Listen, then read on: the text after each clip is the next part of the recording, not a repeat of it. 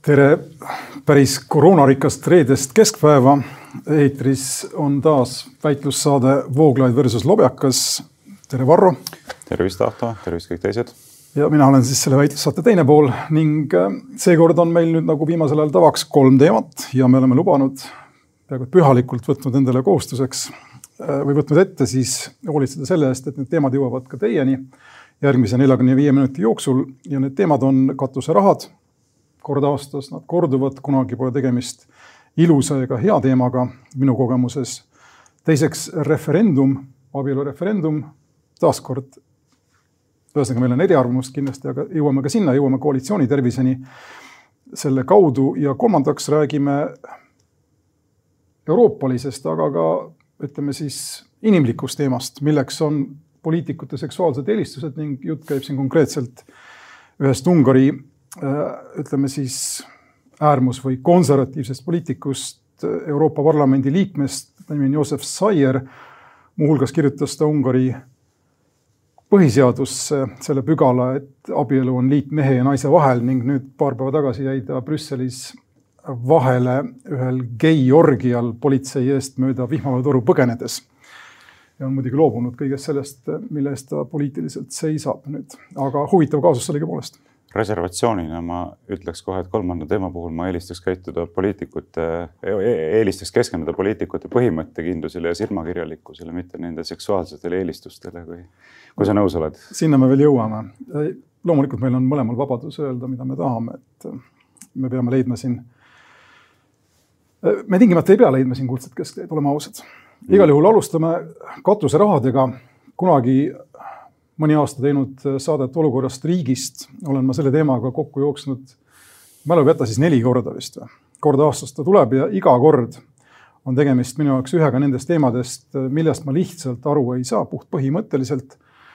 tähendab, ma võin ette kujutada mingil määral, ma tulen võib-olla selle juurde tagasi, miks see institutsioon kunagi loodud on, aga, aga noh, selge on see, et siin poliitilise patronaaži ilminguna lihtsalt parajasti koalitsioonis olevad parteid saavad raha jagada inimestele, kes või organisatsioonidele, kes neile meeldivad. ning mingit järelevalvet siin ei ole ega saagi olla, see on niimoodi, see süsteem on niimoodi üles ehitatud praktiliselt, kuigi tegelikult see aasta me nägime esimest korda sellise avaliku järelevalve toimimist, kui üks EKRE noorteorganisatsiooni poolt loodud mingisugune katus asi ei saanud seda raha, mida ta küsis parun Ungern Sternbergi toetamiseks, et siin midagi toimis, aga üldiselt on tegemist minu arvates väga taunitava praktikaga ning kui ma endal sissejuhatava teksti lõpetaksin või tahaksin lõpetada sellega, et ma esiteks ma ei saa aru, miks ta on olemas, kuna ta on niivõrd läbipaistmatu ja selgelt korrup-, korruptiivne praktika või korruptsiooni võimaldav praktika ja siis teine asi, millest ma aru ei saa, on see, miks seda raha valitsus ei pane näiteks sellele, mis iganes tuleb meil jõulutunnelil, jõulutunnelis üles sel aastal, eks. ja tavaliselt tulevad asjad, mille jaoks riigil jääb raha puudu. puudutavad haiglaid ja ravi ja muud sarnast, eks. pange see raha sinna või siis toidupanka. meil on vaeseid inimesi, kes ei saa piisavalt süüa või siis minu pärast loomakaitsjatele väga suur probleem või millelegi muule, mis on üleriiklik probleem. no ma oletan, et see asi algas kunagi kogukondliku tegevuse ergutamisena, aga ergutamisena, aga ta on sealt ammu mujale liikunud ja, ja muutunud täielikuks absurdiks, paroodiaks no ega mina sinule põhimõttelisel tasandil siin vastu vaidlema ei hakka, ma olen sinuga põhimõtteliselt nõus, et seda asja ei peaks eksisteerima üleüldse. sellist äh, praktikat, mida nimetatakse katuserahade jagamiseks sel lihtsal põhjusel, mis langeb paljuski kokku sellega, mida sa juba selgitasid, et äh, tegelikult jagatakse laiali avalikku raha ilma mingisuguse konkursita, ilma mingisuguse läbipaistvuseta selle kohta, kuidas saab kandideerida selle raha kasutamisele, kuidas otsustatakse selle üle, kellele see raha eraldatakse ja nii edasi. nii et äh, põhimõtteliselt täiesti nõus, ma arvan ka, et see tuleks likvideerida. nüüd äh, samas sellega ei saa piirduda, ma arvan, et probleem ei puuduta ainult katuserahasid, vaid probleem on laiem ja kui me läheme päris mitu sammu tagasi, siis tegelikult me jõuame selle probleemini, et kuivõrd üleüldse on riigi ülesanne tegeleda rahade ümberjagamisega, inimestelt rahad karistusähvardusel kokku korjata, mitte selleks, et tegeleda riiklike funktsioonide täitmisega, vaid selleks, et neid ümber jagada, eks ühele või teisele või kolmandale. loomulikult on sellised ümberjagamise meetodid, mis on problemaatilisemad kui teised, aga ultimatiivselt on küsimus selles, et kas üleüldse selline ümberjagamine on põhjendatud ja kuivõrd see on põhjendatud. ma arvan, et me oleme kaugelt liiga kaugele läinud selle sellise sotsialistliku eelduse omaks võtmisega, et riik muudkui kogub kokku karistuse ähvardusel, nagu öeldud, ja jagab siis laiali vastavalt oma paremale äranägemisele ja no mida muidugi veel võib mainida ühe sama hingetõmbega on see, et kui me vaatame ka nüüd parlamendis rahade eraldamist ja rahade kasutamist, siis siin on ka veel mitu aspekti sellel samal probleemil, millele peaks tähelepanu juhtima. niisam-, niisamuti on probleemiks näiteks kuluhüvitiste kasutamine, eks pool parlamenti või rohkem sõidab ringi liisitud autodega, mis kantakse kuluhüvitistesse, mis selgelt on isiklik hüve, eks. noh, mis on tegelikult ka päris veider olukord selle taustal kuidas käsitleti näiteks seda Mailis Repsi kaasust, eks, et ühelt poolt minister kasutab ametiautot isiklikul otstarbel, siis on suur probleem. samal ajal eh, pool Riigikogu teeb seda nagu juba aastaid, ilma et mingit probleemi näiteks, endal pole juhilubasid ka osadel inimestel, kes liisivad endale töövahendina äh, sõiduautot ja nii edasi. ja no kolmas tasand, mis peaks ka aktualiseeruma, on üleüldse parteide riiklik rahastamine, et see on ju ka omamoodi tegelikult selline kuidas nüüd öelda, võib-olla banaanivabariiklik oleks natuke palju öelda või liiga, liiga selline emotsionaalne, aga, aga veider nähtus igal juhul, et parteid ise võtavad vastu seaduse, mille kohaselt nendele lihtsalt äh, blanketselt eraldatakse igal aastal miljoneid ja miljoneid eurosid, viis koma seitse miljonit eurot vist igal aastal saavad parteid riigieelarvest, ilma et äh, nad peaksid mingeid taotlusi tegema või kuidagi muud moodi seda raha selle raha pärast konkureerima teiste kodanikuühendustega, nii et äh, ma arvan, et siin neid aspekte on rohkem. siin on nüüd päris rida suuri teemasid, mille. jah, meil aega ei ole, ma tean. meil aega ei ole, ei, mille sa tõstatasid ja ei, loomulikult käime neist vähemalt kiirelt korraks läbi ja jätamegi võib-olla siis natukene, jätame kõrvale praegu selle praeguste katuserahadega seonduva ehk siis minu pärast EKRE ja ma selle Ungar Sternbergi mainisin ära seda annetust ka ei tule, seal on palju muud küsitavat, aga jäägu see hetkel. igal juhul jah, need teemad, mis sa tõstatasid, kuluhüvitised oleks midagi, milleni ma ise, isegi oleksin jõudnud. samavõrra mõistetamata institutsioon mulle nagu katuserahad. ja noh, see, mille sa ära ütlesid, et inimesed ostavad selle eest autosid, ilmselgelt osutab, et tegemist on lisatasuga, lisateenistusega mille parlament on endale määranud ja mille suurem osa parlamendist endale tasku paneb ja isegi kui need autosid ei liisi, ma saan aru, et EKRE vist ei luba enda liikmetel või parlament, parlamendi liikmetel neid liisida, võtavad selle raha kuidagi muud moodi välja ja, ja ka siin on olnud näiteid, absurdseid näiteid sellega laieneb, sellega, sellele lisandub või see laieneb veel ühele teemale, mis puudutab kõiki poliitikuid, mitte ainult tingimata valitud poliitikuid ja see on esindustasud kui osa palgast või palgalisa. meil on olnud siin, kui mu mälu ei peta kindlasti ei peta, probleeme presidendi, presidendi abikaasaga, peaministrigagi. jällegi küsimus on selles, kas inimesele makstav palk peaks olema kõik, mis ta riigilt saab ja siis selle raames peab ta endale lubama seda, mida ta tegema peab või võib tal olla siis sisuliselt mingisugune teine palk või ausalt öeldes, ega see asi väga kaugel ei ole kuluhüvitise ja esindustasude näol sellest kolmeteistkümnendast Kreeka palgast, mida me nii, mida Eesti inimesed armastasid nii osatada Kreeka laenukriisi ajal, eks, et noh, et hoidke kokku enda inimeste pealt see kolmeteistkümnes palk, mille te välja maksate mingisuguse preemiana ja kohe on riik rikkam. samamoodi oleks meie riik rikkam, kui kõik see äh, ameti juurde tegelikult mitte kuuluv äh, lihtsalt ära võtta poliitikutelt ja parlamendiliikmetelt ja see raha kusagile mujale panna mis puudutab nüüd parteide rahastamist, siis ma saan aru sellest äh, instinktist või sellest mõttest, äh, millega see üritati teha riigipõhiseks või siis maksumaksja põhiseks, sest et noh, teine alternatiiv on lasta parteidel end kinni maksta ärimeeste poolt ja on parteisid, kes seda lihtsalt ei suuda ja kelle sõnumi ütleme noh, loomuseks ei saa, ei saagi olla midagi, mis oleks äriliselt müüv, võtame sotsid näiteks, eks, mida on neil pakkuda ärimeestele, samas kui on, minule vähemalt on selge, et nad äh, mitte ainult poliitilise opositsiooni või ka minu pärast võimaliku koalitsiooni liikmena ei täida olulist rolli, vaid ka nende sotsiaalne, ühiskondlikkust rõhutav sõnum on midagi, mis on äärmiselt tähtis ja milleta Eesti ei saa. No see on nüüd eraldi teema, aga minu meelest sotsid on selle sõnumi esiletõstmises üleüldse totaalselt läbi kukkunud see on, Tegele, see on midagi muud aga.... tegeledes mingisuguse roheteemadega ja ma ei tea, kas seksuaalvähemuste teemadega, et sellega, et nad seisaksid reaalselt äh, tööinimeste eest, nagu sotsiaaldemokraadid on algselt vähemalt üritanud teha, nad ju ammu enam ei tegele, et see on ka nende väikese populaarsuse põhjus. aga ei, siin on mitmesuguseid muid äh, meetodeid ka ju, kuidas seda küsimust saaks reguleerida, noh, ma lihtsalt praegu sinu juttu kuulates äh, mõtlesin selle peale, et noh, tegelikult ei oleks ju mõeldamatu ka see, et riigieelarvelist toetada ei tohi, tähendab, ei ole riigieelarvelisi toetusi aga näiteks üheltki isikult ei tohi võtta vastu annetusi suuremas määras kui teatud summa aastas, näiteks parteideks, aga, aga oluline oleks see, et parteide rahaline heaolu sõltuks ka nende endi toetajate panusest, sellest, kuivõrd nad on näoga oma toetajate poole. sest see, mida me minu arvates oleme näinud ja ma usun, et sa siin natuke peaksid vist nõustuma ka, on see, et kui on juba riigieelarvelised toetused ette nähtud parteidele, siis neil puudub üleüldse eriline põhjus, vähemalt rahalises aspektis, oma toetajate poole näoga pöörduda, nende seisukohti kuulata, nende seisukohtadega arvestada sest nad ei sõltu rahaliselt absoluutselt oma toetajatest. kui, kui suure protsendi parteide sissetulekutest moodustavad liikmemaksud või annetused? päris väikese, päris väikese, see on seal ikka seal, ma praegu peast ei oska öelda, aga noh, vähem kui kakskümmend või isegi vähem kui kümme protsenti paljude parteide puhul vist ja sellises olukorras ongi nii, et sa võid teha, mida tahad, eks, ja ei, ei saa seda juhtuda, et näiteks partei toetajad ütlevad, no selge, kui te sellisel viisil käitute, siis me lihtsalt võtame ära oma toetused teile ja te peate siis vaatama ise, kuidas te hakkama saate, eks ja ma arvan, et see, selle ahela katkestamine ei ole sugugi hea asi, et peaks seisma selle eest, et seda ahelat ära ei katkestataks.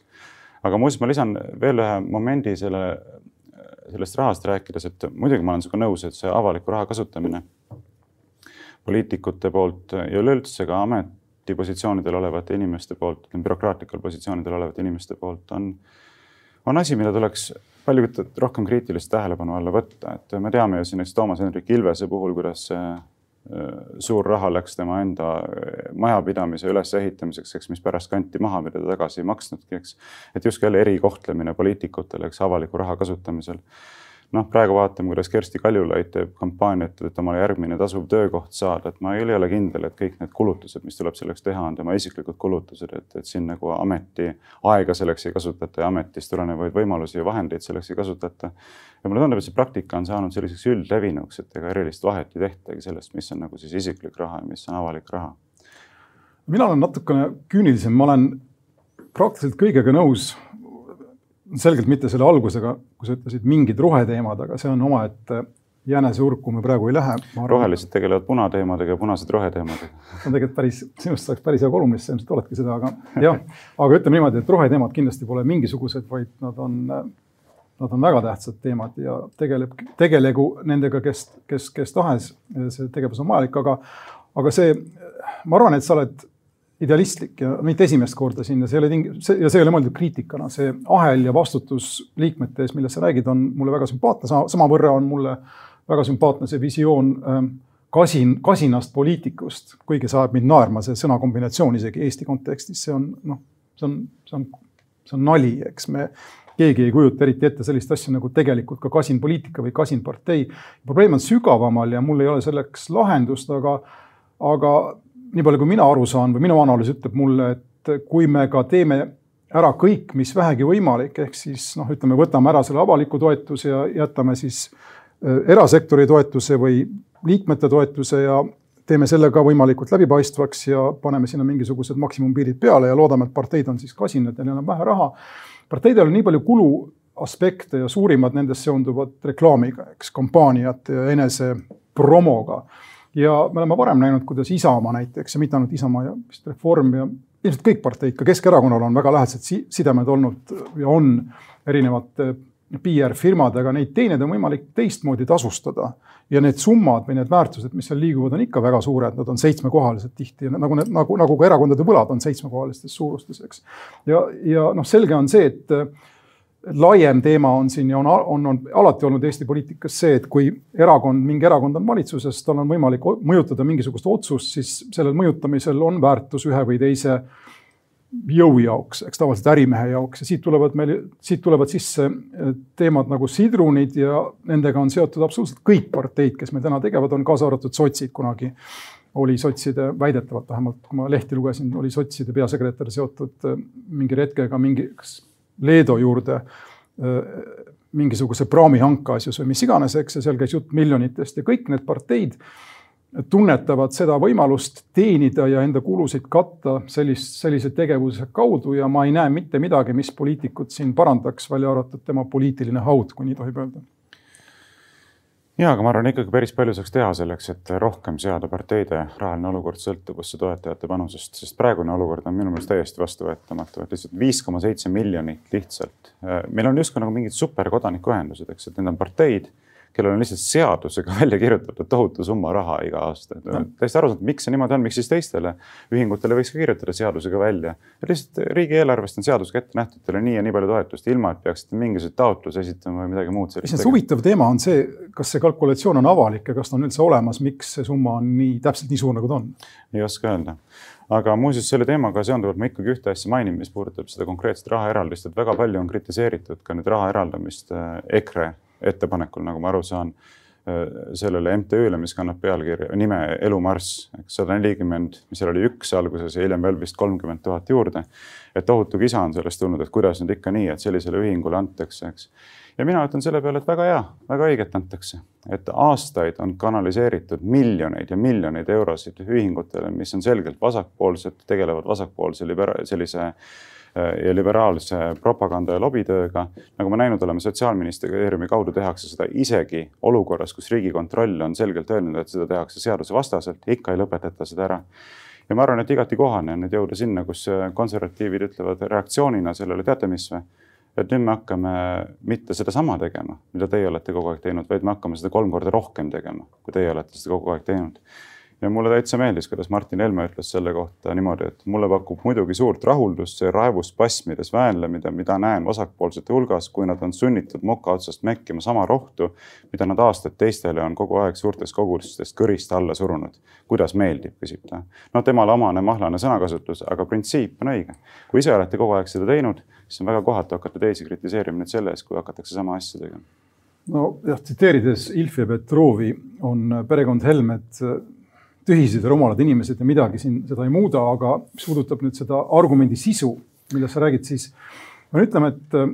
see elu, elumarss on selle organisatsiooni nimi, eks. Äh, millest ma aru ei saa, on miks sa nende vastaseid või vastasseisukohta vasakpoolsena kirjeldad. no see selleks, tegelikult see on retooriline küsimus. ma, mulle, mulle tundub ebaloogilisena või ebamõistlikuna arvata, et inimesed, kes sinu vaateid toetavad, peavad tingimata olema parempoolsed. ma kujutan ette täiesti vasakpoolseid inimesi, kes hindavad või kes on abordi vastu, mitte tingimata abordi vastu, see on jällegi see küsimuse püstitus, ma arvan, on, on võib-olla isegi vale, aga noh, ta on sinu poolt nagu valitud, aga iseenesest ja ma olen seda ka üritanud öelda, ma ei usu, et Eestis oleks inimesi, kes ütleks, et jah, tapame või jah, laseme surra sellel lootel, kes on noorem kui neliteist nädalat, sest et ta ei ole inimene, keegi ei mõtle niimoodi, see on seadusandlik kompromiss, mis on, mis on oma, mis on võimalik või vajalik meie ajas. aga iseenesest ma olen päris kindel, et kui küsida nii-öelda noh, mitte emotsionaalselt ja mitte ideoloogiliselt laetud küsimusi, siis suurem osa inimestest oleks nõus sellega, et kui on võimalus, siis need looted elus hoida. aga neil puudub see fanaatiline usk, et tegemist on millegagi, mida tuleb saavutada iga hinna eest, ehk siis emal pole mingeid õigusi ja nii edasi, eks sellest me oleme rääkinud. aga mida ma tahan äh, öelda siin puhul ongi see, et ma ei ole niivõrd selle vastu, et valitsus, kui ta selline juhtub olema, toetaks abordi äh, vastaseid, eks nagu on olemas abordi pooldajad, on ka abordi vastaseid ja tegemist on teemaga, mis on legitiimne ja mille üle võib vaielda, keegi, mina ei saa seda küsimärgi alla. aga noh, olulisem siin antud juhul on pigem valitsuspartei, suure, kõige suurem valitsuspartei Keskerakonna silmakirjalikkus, mis ühe käega lubab sellisel asjal toimuda. Ja noh, selge on see, et Eesti liberaalseid väärtusi õõnestada ning teise käega ütleb, et oh, ärge kartke, seni kuni meie võimul oleme, seda ei juhtu. ja see on minu jaoks absurdne ja see on Keskerakonna probleem ja ta ei ole sisuliselt see probleem, millest sa rääkisid, aga ma lihtsalt tahan selle ära mainida. ja, ja iseenesest mulle, ma arvan, et meie abordi toetajad ka võiksid natuke järele mõelda ja seda aluspinda tugevdada või tahendada, millel nad ise seisavad, sest et ma vaatan, väga populaarseks argumendiks on saamas mõte, et näed, Eestis on, on abortide tase langenud viimase kahekümne viie aasta jooksul suhteliselt madalale, oli mitukümmend tuhat, nüüd on vist kolm tuhat kuussada, kui ma ei eksi, eks. iseenesest need inimesed ütlevad ju sedasama, et nad tahavad võimalikult vähe aborte, te lihtsalt vaidlete meetodite üle, tuleb välja. samas kui mina tahaksin näha selgemat rõhuasetust ema õigustele ja sellele printsipiaalsele pinnale, millelt ikkagi tuleb tunnistada, täna on vajalik see, et mingist hetkest alates, mingi hetkeni siis emal on õigus ise otsustada selle üle, mis saab tema kehas asuvast lootest, see on printsipiaalne seisukoht no siin on väga palju, mida kommenteerida, ma tean, et meil on aeg juba läbi ja sellepärast ma ütlen ainult kaks lauset, et esiteks äh, me oleme jällegi sellest rääkinud, aga mitte kellelgi mitte mingisugust õigust teisi inimesi tappa ei ole, süütuid inimesi tahtlikult tappa ei ole, need on pseudoõigused, mis on liberaalide poolt välja mõeldud. Äh, sihukest õigust mitte kuskil üheski rahvusvahelises inimõiguste lepingus, üheski loomuõiguslikust printsiibist ei tulene. see on kõik väljamõeldis ja noh, teiseks lihtsalt kommentaarina, et sa pidasid vajalikuks öelda, et Helmed on väga rumalad inimesed, siis ma lihtsalt. tühised. tühised ja rumalad inimesed, et siis ma lihtsalt tahan avaldada oma tänu ja imetlust kõigi vasakpoolsete poliitikute suhtes, kes on suurepärased erudiidid, džentelmenid ja no ütleme ausalt, intellektuaalsed gigandid meil, et, et sellega on väga hästi kõik. meil on väga tasakaalus saade, aga nüüd teeme väikse pausi, et naasta teise teemaga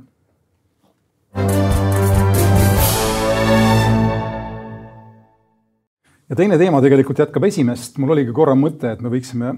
oleksime võinud varem lihtsalt kuulutada teema muutunuks, igal juhul juttu tuleb nüüd sellest abielureferendumist, millest, mida valitsus plaanib, koalitsioon plaanib ja millest me oleme ka varem rääkinud ning mis on sattunud nüüd äh, vähem sisuliselt ja rohkem poliitstrateegiliselt tõsistesse raskustesse või ütleme niimoodi, et meri on mässlev ta ümber. Ma alguses arvasin, et tegemist on suhteliselt nagu naljaga, kui ma lugesin ERR-ist, et näed, siin on kolm Isamaaliidu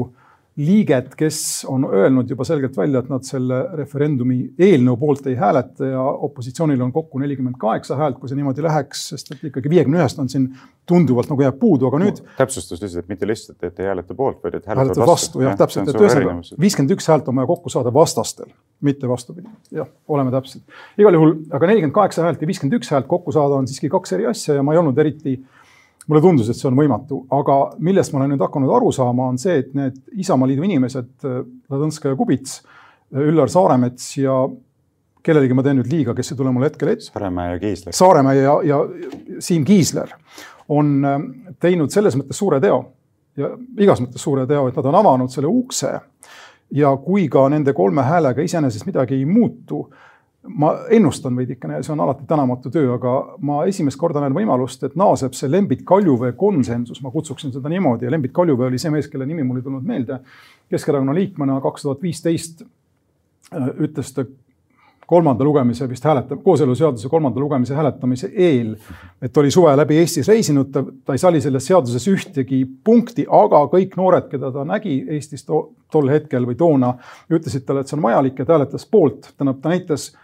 ta demonstreeris ennast Eestis väga harva esineva poliitikuna ehk siis inimesena, kelle vaated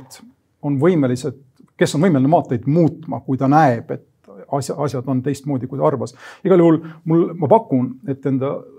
jutt nüüd kokku tõmmata hetkeks, pakun seda, et mida need Isamaaliidu kolm inimest on teinud, on avanud ukse Keskerakonnas nende inimeste jaoks, kes on tegelikult mõistlikud. Ja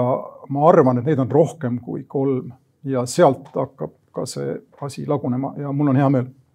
no muidugi sul on hea meel, sest sa oled selle referendumi korraldamise vastu, sa oled avalikult ju niinimetatud homoabielude seadustamise pooldaja, eks. et oleks ka imelik, kui sul ei oleks hea meel. aga kui me vaatame nüüd nende saadikute käitumist eraldiseisvana, siis need inimesed käituvad muidugi põhimõttelagedalt ja reeturlikult. et ma ei kasuta neid sõnu siin kergekäeliselt, vaid täiesti teadlikult, sellepärast et kui me vaatame, mida Isamaa lubas oma valijatele valimisprogrammis, nad ütlesid, seisame selle eest, et määratleda abielu põhiseaduses mehe ja naise vahelise liiduna. see oli programmiline lubadus, millest olid teadlikud kõik Isamaa nimekirjas kandideerivad inimesed, kes palusid kodanikel toetada neid, et nad saaksid rahvaesindajateks parlamendis. nii. teiseks, kui me vaatame Isamaa toetajate eelistusi arvamusküsitluste pinnalt, siis valdav enamik eh, ootavad Isamaalt seda, et nad seisaksid referendumi eest ja referendumil jah-tulemuse saavutamise eest. nii. ja kolmandaks, kui me vaatame koalitsioonilepingut, siis seal samamoodi on kokku lepitud, et korraldatakse selline rahvahääletus ja kui rahvahääletuse tulemus on positiivne, siis liigutakse edasi sammudega, et määratleda abielu põhiseaduses mehe ja naise vahelise liiduna. nii et kolmel tasandil tegelikult on see printsiip väga selge, mille kohaselt peaksid Isamaa saadikud praegusel hetkel tegutsema. ja kui nüüd Kiisler, Ladõnskaja ja Saaremäe hakkavad tegutsema vastupidiselt sellele siis ei ole liialdus öelda, et tegemist on mitte lihtsalt põhimõtte lageduse, vaid reeturlikkusega. sellepärast, et sa vead alt oma erakonna toetajaid, sa vead alt oma erakonda ja sa vead alt koalitsiooni, mille osapooleks sa oled. ja mitte ainult nemad kolm, vaid tegelikult nüüd ka Mihhail Lotman, nagu ma aru saan, on juba teavitanud, et tema vähemalt ei hääleta selle referendumi korraldamise otsuse poolt, et kas ta jätab hääletamata või hääletab vastu, seda ma ei oska veel öelda. aga, aga siis jutt käib juba mitte kolmest, vaid koguni neljast Isamaa saadikust ja noh, repliigi korras ka selle Lembit Kaljuvee kohta, et ma ei oska küll näha mitte midagi lugupidamist väärivat või imetlusväärset sellest, kui inimene muudab oma moraalseid põhimõtteid, mitte tulenevalt filosoofilisest arusaamist sellest, selle kohta, mis on õige ja mis on vale, vaid lihtsalt sellest, mida noored inimesed tema ümber räägivad, et see pigem viitab ikkagi põhimõtte lagedusele. viimasest asjast konformismile. konformismile, ma ei ole kindel, ta läks vastu enda, enda partei peavoolule, ta läks vastu sellele, mida sa, mis, mille kohta sina ütled, et see on ühiskonna peavool, ehk siis ühiskond meil enamuses on kooseluseaduse vastu. Lembit Kaljuväe, Lembit Kaljuväe tegi seda, ühesõnaga, mis on tema juures imetlusväärne, on see, et ta julges teha seda, mis ei olnud kasulik talle endale, vaid mille ta arvas kasulik olevat inimestele, keda ta esindas või keda ta tahtis esindada. ja siin on suur vahe ka sellega, mille ta, et, et ta ei arvanud tingimata, et, et see, mida ta teeb, on hea Eestile tulevikus, vaid ta oli võimeline kriitiliselt mõtlema enda positsiooni üle ja selle üle, mida teised inimesed tema ümber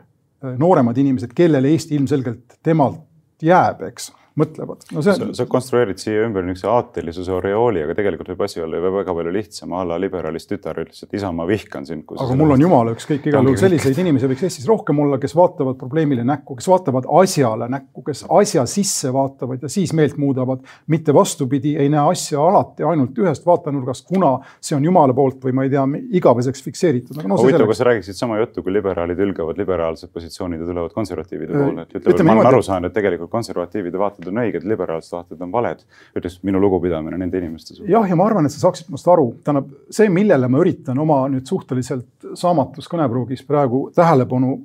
koondada, on see nõndanimetatud, nimetagem seda ilmutusmomendiks, Sauluse ja Pauluse momendiks. ja see on alati imetlust väärt, inimene, kes on enda elu võimeline sada protsenti või minu pärast no ükskõik mis protsente, eks, olulisel määral ümber muutma. see muutumise võime on minu arvates oluline poliitikutele kui ka tavalistele inimestele ja ta on selles Sauluse-Pauluse momendis olemas, sinu nagu ütleme, et sulle tuttav näide. ja ma ehk apelleeriks, apelleeriksin sellele, ma ei tea, kas ega sa... ma sellele vastu ei vaidle, lihtsalt küsimus on selles, et millega sellise pöördumise puhul reaalselt ja. tegu on, aga ütleme niimoodi, et mulle sellised inimesed poliitikas meeldivad seni, kuni kõik ei ole sellised, eks noh, see on nüüd teine äärmus, et iga päev hakatakse mu muutuma, see selleks. kui keegi on põhimõttelage, siis see on äh, Mihhail Lotman Isamaas puhtalt sellepärast, et kui ta jätab hääletamata, siis ta sisuliselt astub sellest vastutusest lihtsalt kõrvale, et teha otsus. ja ühele poliitikule minu arvates selle eest raha ei maksta kindlasti mitte parlamendis. ta ei tee seda esimest korda. sellega ma olen nõus, kusjuures, et äh, seda enam, et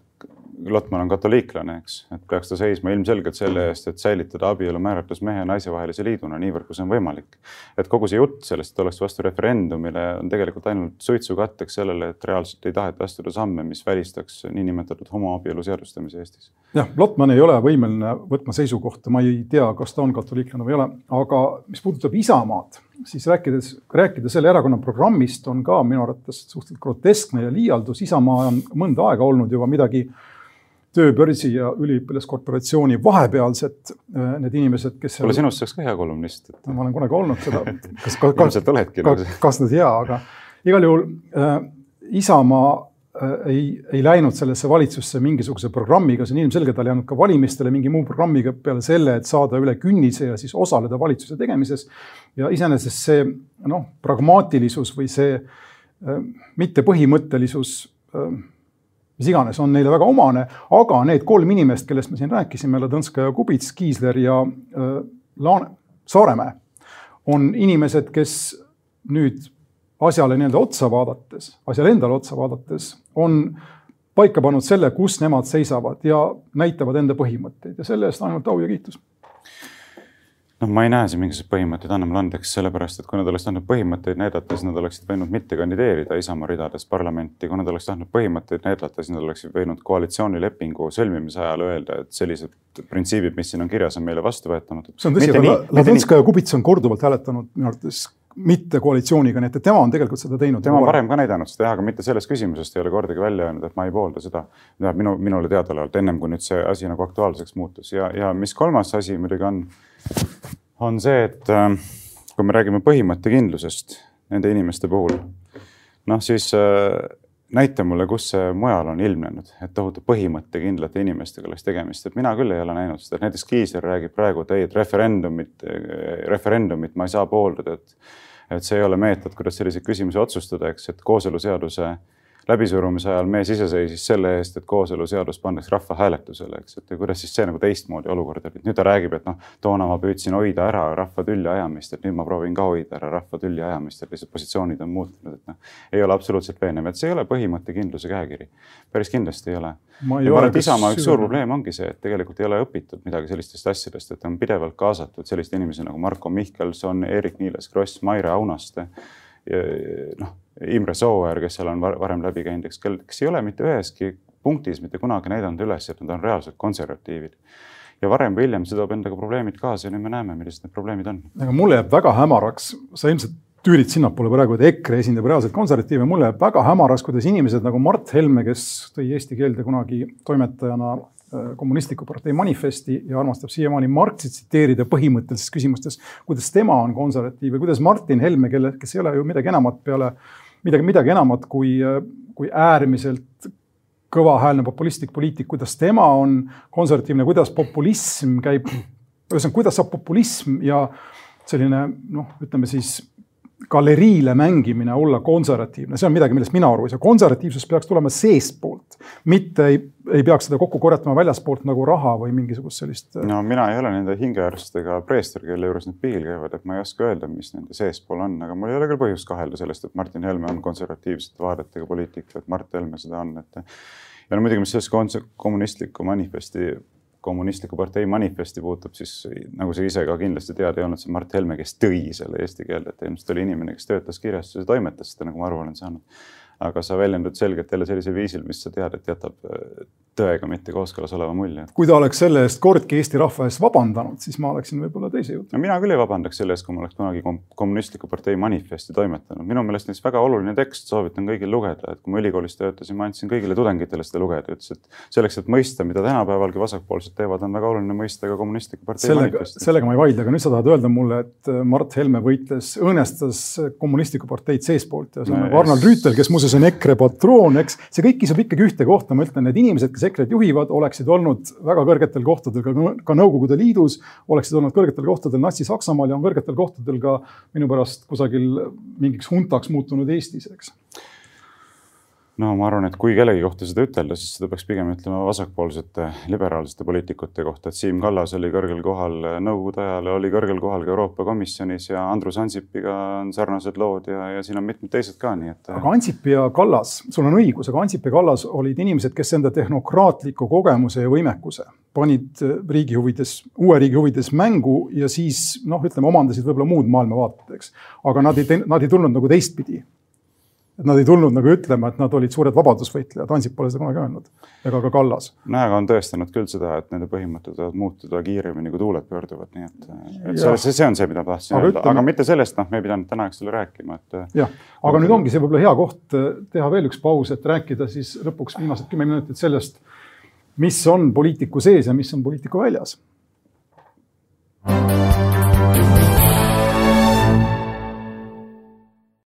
rääkida siis, mis on poliitiku sees ja mis on poliitikust väljas, kui ma nüüd eesti keeles korrektselt väljendun. jutt käib siin Ungari poliitikust antud hetkel, kuigi ma nüüd loen, et neid on veel teisigi. see on hetkel küll tõestamata, aga oli selline mees nagu Josef Saier, kes oli Euroopa Parlamendi liige Brüsselis kuni viimase nädalavahetuseni, esindades seal Viktor Orbani peaministri autoritaarsete kalduvustega Ungari praktiliselt siis ainuvalitseva liidri erakonda ning kes äh, on ajalukku läinud sellega, et ta oli eriti uhke, et tema kirjutas Ungari põhiseaduse sisse just selle pügala, mis ütleb, et abielu seal on liit mehe ja naise vahel, tabati ta aga homoorgialt, geiorgialt, vabandust siis äh, kusjuures see ei olegi probleem Brüsselis kellegi jaoks, seal on tegemist avatud ja tolerantse seltskonnaga ja ühiskonnaga. probleem oli selles, et see orgia korraldati koroona meetmeid rikkudes ja, ja põhimõtteliselt võeti see Saier kinni vihmaveetoru pidi alla ronides puhtalt sellepärast, et ta oli osa, et ta osales siis ähm, koroonaviiruse levitamisel, mitte tingimata tema, ühesõnaga mitte üldse tema seksuaalse sättumuse pärast, aga kuna tegemist oli äh, tuntud ja väljapaistva konservatiivse poliitikuga, siis tekitab see muidugi küsimusi. kas kas kõik või palju konservatiivsetest, eriti meespoliitikutest on sama verd ja, ja kuivõrd noh, silmakirjalikkus või, või midagi sarnast on konservatiivsete poliitikute juures tõukavaks jõuks. Ning äh, omaette küsimus on veel ka muidugi see, kuivõrd siis üldse näiteks erakonnad nagu EKRE ja ka Isamaa julgevad lubada enda nooremaid või isegi vanemaid liikmeid Brüsselisse, kus, kus nende meelekindlus ilmselgelt proovile pannakse selliste, selliste imperiaalsete asjadega nagu orgiad ja, ja no muidugi alustame sellest, et teha mingisuguse ühe inimese käitumise pinnalt järeldusi või isegi selliseid osutavaid järeldusi nagu kõikide konservatiivsete poliitikute või konservatiivsemate ma, konservatiivse maailmavaate kandjate väljendajate suhtes on ilmselgelt meelevaldne ja pahatahtlik, et siin pole midagi arutada, eks. aga teiselt poolt on muidugi tõesti naljakas see, kuidas liberaalne meedia käsitleb äh, probleemina mitte seda, et keegi osaleb, keegi rahvasaadik, eks Euroopa Parlamendi liige osaleb äh, homoseksuaalsetel orgiatel, äh, kus tarvitatakse narkootikume, vaid probleem on selles, et näed, rikuti koroonareegleid, et kohutav, kohutav patt, et see räägib minu meelest nii mõndagi meie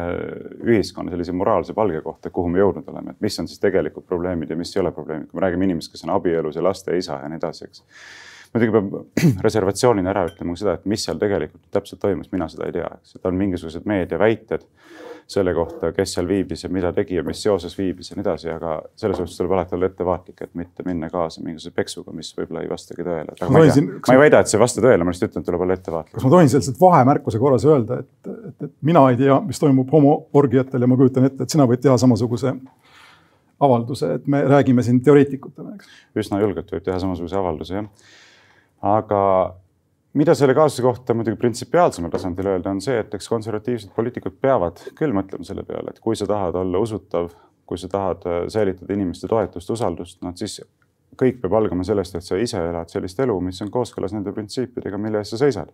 et liberaalid on selles mõttes palju lihtsam, et nendel ei olegi, eks ole, erilisi põhimõtteid, et nemad võivad elada ükskõik kuidas, osaled homoorgiatel või osaled kuskil mujal, et kõik on hästi, eks, et igaühel on omad vaated ja keegi ei mõista kellegi üle kohut ja oleme kõik sallivad ja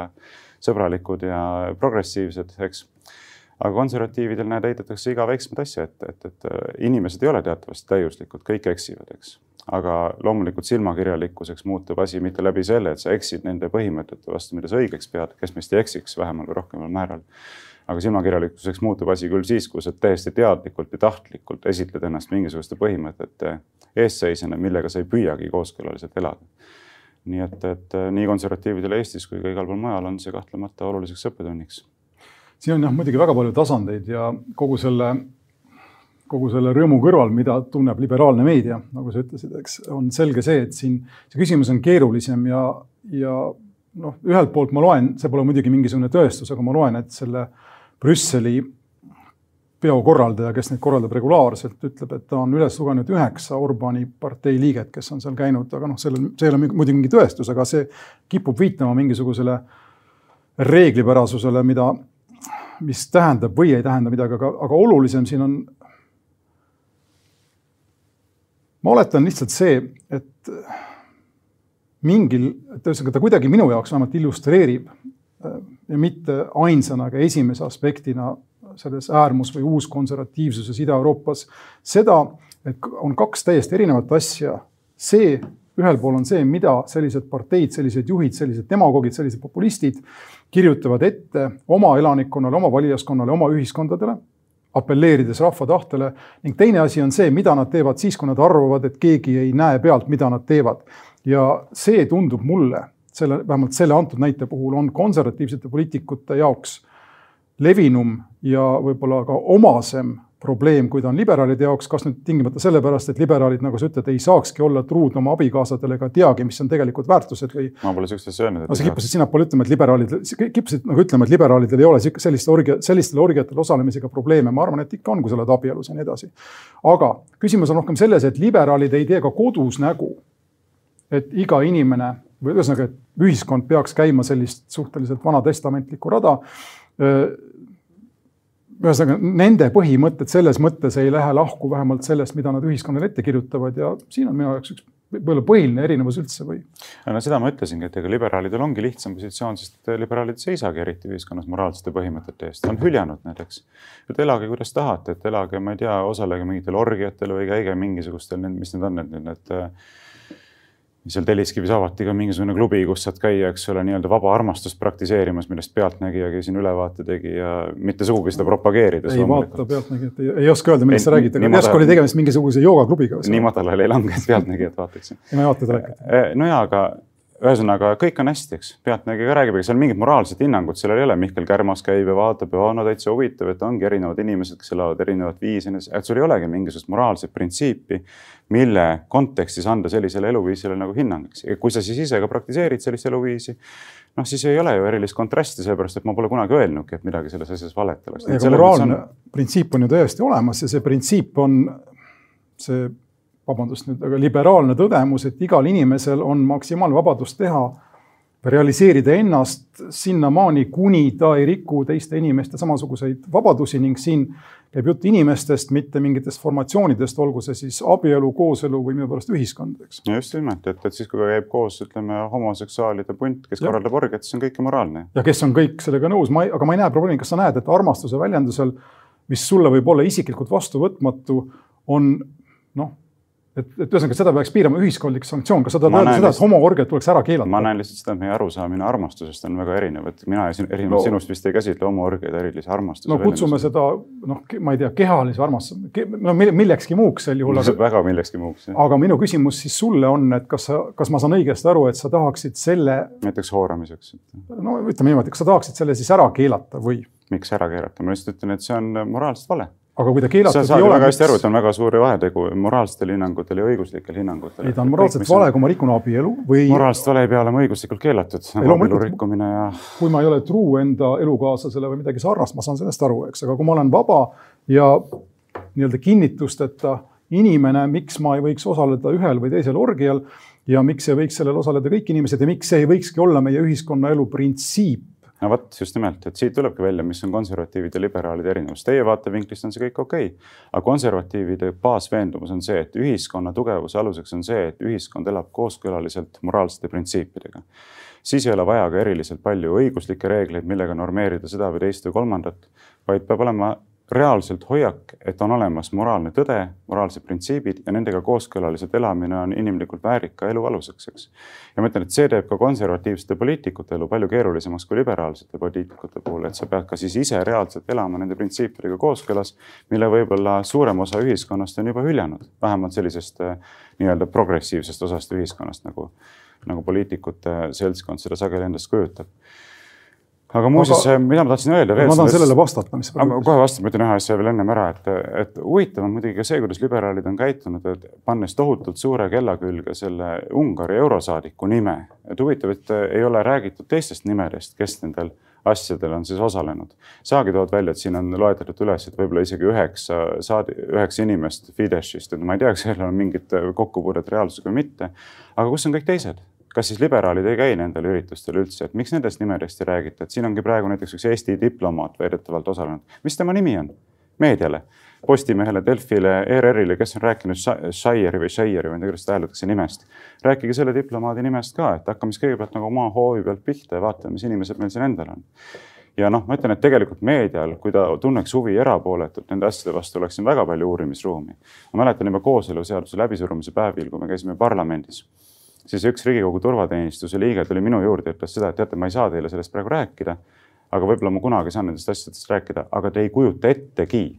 mida, milliseid asju meie oleme pidanud siin lossi turvakaamerate pealt nägema. et ei kujuta üldse ettegi, mis siin lossis on toimunud, milliseid asju nii et äh, alustame siis kodust ja uurime, et äh, kuidas meie enda poliitiline liit toimib ja milliste printsiipide kohaselt nemad reaalselt elavad. see on nüüd, see on nüüd soovitus Raivo, Raivo Aegile, et ta soovitaks omakorda prokuratuurile. see on sinu soovmõtlemine. ei, aga ma tahan öelda. see on öelda... soovitus ajakirjandusele, kui te tunnete nii väga huvi poliitikute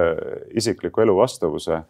vastu moraalsete printsiipidega, et siis ei ole vaja otsida ainult mingisuguseid konservatiivseid poliitikuid välja Ungarist või kuskilt mujalt, vaid alustage koduhoovi pealt. aga ma ütleksin lõpuks paar sõna ikkagi vastuseks sellele, mida sa siin varem, mida sa varem ütlesid ja äh, ma saan aru, et tegelikult see, mida sa tahad, mida sinu, sinu ütleme, sarnased inimesed tahavad, on ikkagi võtta, tõsta ühiskond ära sellelt isikuvabaduse printsiibilt, millel ta praegu on ja asendada see isikuvabadus mingisuguse kogukondliku koodeksiga, ükskõik milline ta on, tähendab demokraatia teie jaoks või sinusugust, sinu ütleme, poliitilise kalduvusega inimeste jaoks on ikkagi võitlus absoluutse võimu pärast niimoodi, et võitja teeb kõik ja kaotajale ei jää midagi So what you are saying is that see on see kuulus Käthi, Käthi, kes oli see? ei, aga kui sul isikuvabadus ei ole alusprintsiip, siis mis on, see peab olema siis sinu moraal järelikult ju, seda sa tahaksid kehtestada, eks? mina ütlen väga lihtsalt seda, et ühiskonnas peavad olema baastasandil moraalsed printsiibid, mille kohaselt ühiskond toimib. tegelikult ongi, eks küsimus oli selles, millised need printsiibid on et me ei saa võtta sellist hoiakut, et varastamine ei ole vale,